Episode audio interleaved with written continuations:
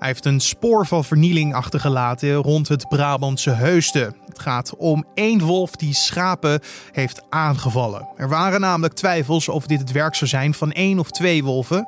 Maar uit onderzoek is het vrijwel uitgesloten dat het om meerdere gaat. Maar wat doet deze wolf in Nederland? En hoe kunnen we onze schapen en ander vee het beste beschermen tegen ze? En dat kan met elektrische netten, met elektrische draden. In ieder geval dat er een goede klap stroom op staat. En als die wolf dan met zijn neus tegen dat draad aankomt of tegen dat net aan... en hij krijgt me toch een partij stroom op zijn neus... dan is dat bericht wel erg duidelijk vanuit ons dat aan die wolf dat schapen geen voedsel moeten zijn. Dat was ecoloog en coördinator wolvenmeldpunt van de zoogdierenvereniging Glenn Lelyveld. Hij kan ons straks alles vertellen over de wolf in ons land en het gevaar ervan. Maar eerst kijken we kort naar het belangrijkste nieuws van nu. Mijn naam is Carne van der Brink. Het is vandaag woensdag 3 juni en dit is de Dit wordt het nieuws middagpodcast. Nederland slaat samen met Duitsland, Frankrijk en Italië de handen ineen om zo snel mogelijk een coronavaccin te ontdekken. Het doel is om de productie van een potentieel vaccin op Europese bodem plaats te laten vinden. Door samen te werken willen de landen zichzelf een betere kans geven om het coronavaccin te ontdekken. Uiteindelijk willen de partijen een breed toegankelijk, beschikbaar en betaalbaar vaccin realiseren. Huisartsen hebben vorige week meer dan 100.000 patiënten doorverwezen naar een ziekenhuis of kliniek. Dat is voor het eerst sinds de uitbraak van het coronavirus in Nederland. Dat meldt de Nederlandse Zorgautoriteit. Het aantal verwijzen voor de reguliere ziekenhuiszorg ligt momenteel op 80% van voor de virusuitbraak. De NZA meldt ook dat de verwijzingen in de geestelijke gezondheidszorg en de medische specialistische zorg weer op een normaal niveau komen. Verder melden ze dat de spoedverwijzingen naar specialismen in ziekenhuizen en klinieken die lang achterliepen weer op niveau zijn. Zweden had toch strengere maatregelen tegen het coronavirus moeten nemen. Dat zegt het brein achter de coronastrategie van het land, Anders Tengel. Zweden is inmiddels wereldwijd bekend om de relatief soepele regels die het land instelde rondom het coronavirus. Gekozen werd om de samenleving relatief open te houden, maar kwetsbare groepen te beschermen. Maar de Zweedse Jaap van Dissel zegt terugkijkend dat Zweden het misschien toch anders had moeten aanpakken. En de reden hierachter is het hoge dodental. Netse fokkerijen, waarbij in de afgelopen weken coronabesmettingen zijn vastgesteld, worden geruimd. Het gaat om acht locaties. Het ruimen gebeurt in het kader van de volksgezondheid en vindt naar verwachting deze week nog plaats. Er waren al twee gevallen bekend waarbij het coronavirus van nerts op mens werd overgedragen. De besmettingen werden vanaf eind april vastgesteld bij zes bedrijven. En eerder werden al een landelijk verbod op het vervoer van nertsen en het bezoeken van stallen bij de bedrijven ingesteld. Deze ruiming is de volgende stap. En dan een probleem wat al een lange tijd speelt in Noord-Brabant. Want daar worden schapenhouders al wekenlang opgeschikt door de aanvallen van een wolf. In een paar weken tijd heeft bijvoorbeeld een wolf in de buurt van het plaatsje Heusden tientallen schapen aangevallen. Alleen zou het om een lone wolf gaan of zou dit het werk zijn van meerdere? Vandaag bleek uit onderzoek dat het vrijwel uitgesloten is dat het om meerdere gaat. Maar waar komt deze wolf dan vandaan? En voor hoeveel problemen kunnen ze zorgen? We gaan hierover praten met Glenn Lelyveld. Hij is ecoloog en coördinator Wolvenmeldpunt van de Zoogdierenvereniging. Want Glenn, weten we waar deze IJsselganger vandaan kwam? Nou, dat weten we eigenlijk ook al. Dat is uit de Hertslaken Roedel in Duitsland. Dat is in Neder-Saxe, vlakbij de grens van, uh, van Drenthe eigenlijk. En die heeft dus een, een wandeltocht gelopen door uh, in de buurt van Ruurlo in de buurt van Culemborg en Beest is hij opgedoken. En daarna dus uh, richting Heusden gelopen. Ja, en, en waarom is hij dan daar vandaan naar Nederland gekomen? Ja, ik heb geen idee. Hè. Natuurlijk, uh, er zijn nu 105 roedels in Duitsland. Elk jaar worden daar weer welpen geboren. En deze welp is waarschijnlijk na een jaar aan zijn zwerftocht begonnen. Op zoek naar eigen nieuw leefgebied. Dus een mannelijke wolf. We weten dat deze wolven behoorlijke afstanden kunnen leggen. Een andere mannelijke wolf een aantal jaren geleden is in Oost-Duitsland gezenderd. En die heeft toen als eenjarige wolf in vijf maanden 1500 kilometer afgelegd. Ze kunnen enorme afstanden zijn. En ja, dat, dat doen ze dus inderdaad in die zoektocht naar hun eigen leefgebied. Ja, want zou er dan iets speciaals in Nederland zijn wat, wat hun aantrekt om hier naartoe te komen? Nee, er is vooral weinig wat hun afschrikt. we hebben wel gewoon reeën, hun hoofdvoedsel. Daar hebben we er best wel veel van, zo'n 100.000. Uh, hij wordt geschat. Maar voor de rest, wij zijn heel erg voorspelbaar in ons gedrag. wij zijn vooral overdag bezig. Uh, maar s'nachts zijn wij bijna niet aanwezig in het landschap. En dat is precies de rust die een wolf zoekt en waar die goed mee overweg kan omdat wij zo ontzettend voorspelbaar zijn.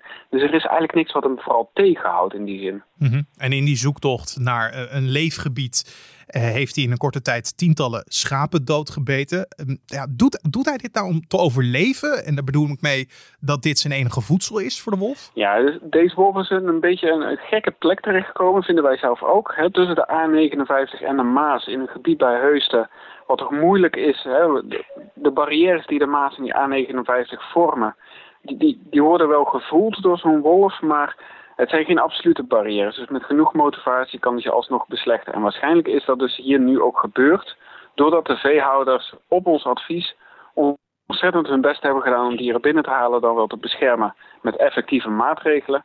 Waardoor die wolf eigenlijk een beetje honger kreeg en gemotiveerd werd toch het gebied te verlaten. Over die maatregelen die getroffen uh, ja, worden op dit moment, daar wil ik het zo met je over hebben.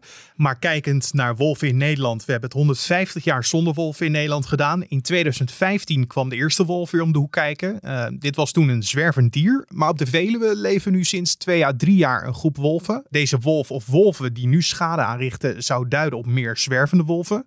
hoe verklaart u dat? Ja, klopt.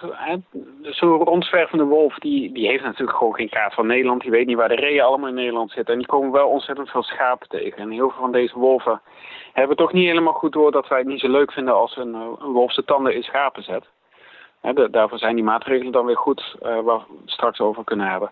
Um, maar je, je ziet wel dat in, in plekken waar zo'n wolvenroedel zich vestigt, natuurlijk eerst de een daarna de andere en dan komen de welpjes bij. Dat gaat niet als familie rondtrekken of zo. Het zijn echte um, wolven die gewoon zelfstandig rond gaan trekken, soms in een duo, maar dat is heel zeldzaam. Um, en pas als dat echt een territorium wordt, dan zie je dus dat die wolven zich veel meer gaan specialiseren op het wild maar ook dat de dierhouders in de omgeving echt doorhebben van hier zit een wolf, ik ga anders met mijn vee om. Hè? Want de meeste dierhouders zijn echt gewoon, hè, houden van hun dieren en willen ze ook echt beschermen. En dat, dat dubbele effect van zowel een wolf die beter weet waar het wild zit, als dat die dierhouders hun maatregelen goed op orde hebben om dieren te beschermen, dat zorgt ervoor dat die territoriale wolven um, eigenlijk vrijwel geen schade meer uh, veroorzaken. Maar het sentiment wat nu heerst bij boeren en veehouders is dat ja, de wolven niet in Nederland horen en dat ze veel schade aanrichten. Uh, vele veehouders maken zich zorgen over hun schapen en ander vee. Maar moeten ze zich inderdaad ook zorgen maken? Nee, ik maak me ook zorgen. Hè. Het is gewoon een, een, een onderwerp waar je het met z'n allen over moet hebben. We vinden hè, met z'n allen het ontzettend leuk om schapen op de dijken te zien. Heidebegrazing vinden we belangrijk. Uh, dat er niet dichtgroeit naar bos. Nou ja, dat, dat is een maatschappelijke wens. En een andere maatschappelijke wens is dat die wolf dus terugkeert. Hè. Het draagvlak voor, wolven onder de Nederlandse bevolking is nog steeds gewoon goed. Dus dan moet je ook samen, als die twee maatschappelijke wensen botsen, daar goed met z'n allen naar kijken. Dus ik snap die zorgen helemaal. Het komt ook veel te vaak voor dat een, een schaap in de, de, de, in de mond van een uh, wolf verdwijnt. En dan moet je goed naar kijken van wat werkt dan wel en hoe kun je dit goed aanpakken. Ja, wat voor de houders is, is dit toch een doorn in het oog. Want zij zien hun kapitaal aangevallen worden door een zogeheten buitenstaander. Dan, dan, dan kunnen we inderdaad wel de zorgen begrijpen. Ja, het is een stukje de, de, de beheersbaarheid en de controleerbaarheid van uh, de natuur. Hè. De hele landbouwsysteem is erop ingericht dat het hele landschap zodanig gemaakt wordt dat wij maximale opbrengst per hectare kunnen krijgen. En dan heb je opeens die natuur, hè, de zwijnen, de herten en nu zelfs ook de wolven die daar een beetje tegenin gaan werken. En ik kan me voorstellen dat dat lastig is. Hè. De natuur laat zich niet reguleren, zeker zo'n wolf niet. Uh, die, die gaat en staat waar die wil. We hebben een aantal wolven gehad die in twee, tweeënhalve weken tijd vanuit Friesland doorgetrokken zijn naar Vlaanderen. Die hebben gewoon 300 kilometer afgelegd. S'nachts Niemand heeft die wolven ooit gezien. Dus dan wordt het ook wel heel erg lastig hè, als, als je heel erg je identiteit verwoven hebt met het controleren en het beheersen van het landschap naar jouw wens. Ja, dat heeft die wolf, uh, ja, hè, trekt er een lange neus voor op. Het valt niet te controleren, bedoel je? Nee, totaal niet. En dat maakt het voor heel veel mensen gewoon heel erg ongrijpbaar en, en ontzettend spannend. Um, en spanning is in zich niet erg, maar je moet je niet laten leiden door angst. En als we dan kijken naar wat je kan doen of wat al gedaan wordt tegen de aanvallen van de wolf, waar moeten we dan aan denken? Nou ja, eigenlijk hetzelfde als met een uh, kippenhok. Als je die s'avonds niet op slot doet en dan komt een vos langs, dan is je kippenhok leeg. Hetzelfde komt eigenlijk voor met gewoon schapenweiders. Je moet gewoon zorgen dat s'avonds met name de schapen gewoon veilig staan.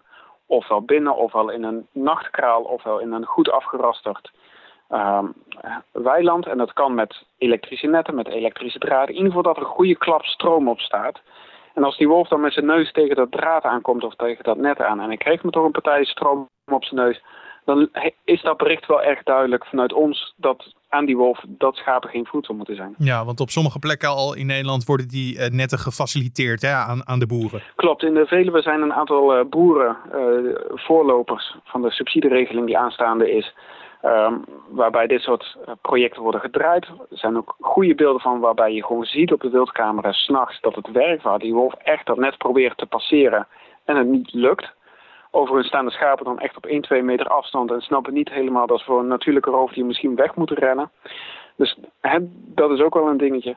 Maar je ziet nu ook dat Brabant inderdaad dit soort netten en complete setjes met uh, en alles gewoon uitleent aan dierhouders die erom vragen in deze regio waar dus meer schade is geweest. Het vangen of schieten van wolven is verboden. Uh, in Duitsland is er eind vorig jaar een uh, wet aangenomen wat het afschieten weer versoepelt.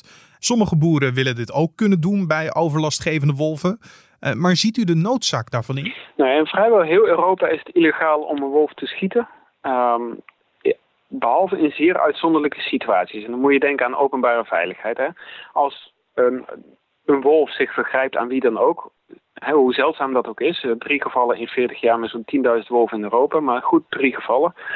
Um, dan zal niemand er raar van opkijken dat die wolf gewoon geschoten wordt. Hè? Als, als een wolf overmatig veel interesse in mensen heeft, dat, dat is gewoon niet de bedoeling. Dan, kun je spreken van een probleemwolf. Je kunt niet spreken van een probleemwolf wanneer die wolf uh, onbeschermd vee aanvalt. Hè? Nogmaals, hoe moet die wolf weten dat het niet de bedoeling is dat hij schapen aanvalt? Als dierhouders daar nog niks aan hebben gedaan, dan kun je dat die wolf niet aanrekenen. Zo staat het ook in het beleid eigenlijk min of meer beschreven. In Duitsland is inderdaad uh, een wet aangenomen, in Neder-Saxe specifiek, vanuit een bestuurder, een ministerie van de deelstaat, um, om het legaal te maken om wolven te schieten. Maar deze wordt ook meteen voor het Europees Hof gedaagd door allerlei groeperingen. Dus het is nog even afwachten of, of die wetgeving wel stand houdt. Ik verwacht het van niet, eerlijk gezegd, want de habitatrichtlijn, de Europese richtlijn die erover gaat, is ontzettend strak. En dit soort gevallen hebben we vaker gezien in Europa. Het schieten en vangen van wolven kan echt niet zomaar. Maar als we teruggaan naar de kern van de materie, de aanwezigheid van wolven. Um, zal dit nou een blijvend probleem of misschien kopzorg voor de komende tijd zijn in Nederland? Of uh, zal het alleen maar gaan om incidenten zoals nu? Nou, ik denk wel dat het een onderwerp blijft voor de komende decennium en misschien nog wel langer. Het, het is een, een, diersoort die ons uh, onderbuikgevoel ontzettend sterk aanspreekt. Hè. We gaan met iemand in gesprek over de wolf en iedereen heeft er gelijk een mening over. Nog los van de feitelijke grondslagen of die, die terecht zijn of niet. En dat maakt het ontzettend spannend voor ons als mens. En ik, ik denk dat er meer wolf naar Nederland gaan komen. Ook de toestroom vanuit Duitsland die stopt echt niet zomaar. Dus het gaat vaker voorkomen. Het zal vaker zijn dan incidenten. Maar het is wel zaak dat we met z'n allen goed helder houden van wat is nou precies het probleem. Is nou de aanwezigheid van die wolf aan zich een probleem? Of is de schade aan vee vooral het probleem? En ik denk dat, je, dat we vooral daar helder in moeten blijven van waar de problemen zijn, daar moeten we ze gewoon effectief oplossen. En gewoon met het geweer bij wijze van aan de grens gaan staan, is geen structurele oplossing. Als er tientallen wolven bij wijze van elk jaar de grens over kunnen komen, omdat de Duitse populatie gewoon groeit. En de diersoort is wettelijk beschermd, dan lijkt me dat niet de constructieve oplossing waar je heen kunt gaan. Maar u, u zegt we verwachten meer wolven uh, vanuit Duitsland naar Nederland. Zou dat dan gaan om meer zwervende wolven, zoals we nu hebben gezien? Of zou het op den duur ook roedels kunnen zijn of uh, wolven die zich gaan vestigen? Ja, de, de roedels die blijven natuurlijk waar ze zijn. Het zijn altijd de jonge wolven, de pubers, om het zo te noemen, die op zoek gaan naar een nieuw leefgebied. En de verwachting, hè, in Duitsland zijn nu 105 roedels. De verwachting is dat het door kan groeien tot zo'n 1000 roedels. Dus elke roedel kan elk jaar zo'n 3 tot 8 jongen grootbrengen, waarvan ongeveer de helft aan zo'n zwerftocht begint. De rest haalt het eerste jaar helaas niet. Maar dat zou dus betekenen dat je zo'n uh, 3 tot 8000 jonge wolfjes uh, in Duitsland hebt, die allemaal hun eigen zwerftocht beginnen op zoek naar nieuw leefgebied. Nou ja, je kunt er donder op zeggen dat er genoeg uh, richting Nederland komen. En ook de Nederlandse roedel natuurlijk, die elk jaar weer welpen gaat krijgen. Dit, dit gaan gewoon jonge wolven zijn die ook in Nederland op zoek gaan naar een nieuw leefgebied. En ik denk dat er behoorlijk wat ruimte is in Nederland. Eigenlijk meer dan dat de meeste mensen denken. Ik heb er een studie naar gedaan van waar zijn die gebieden dan, toen ik nog student was, 2012.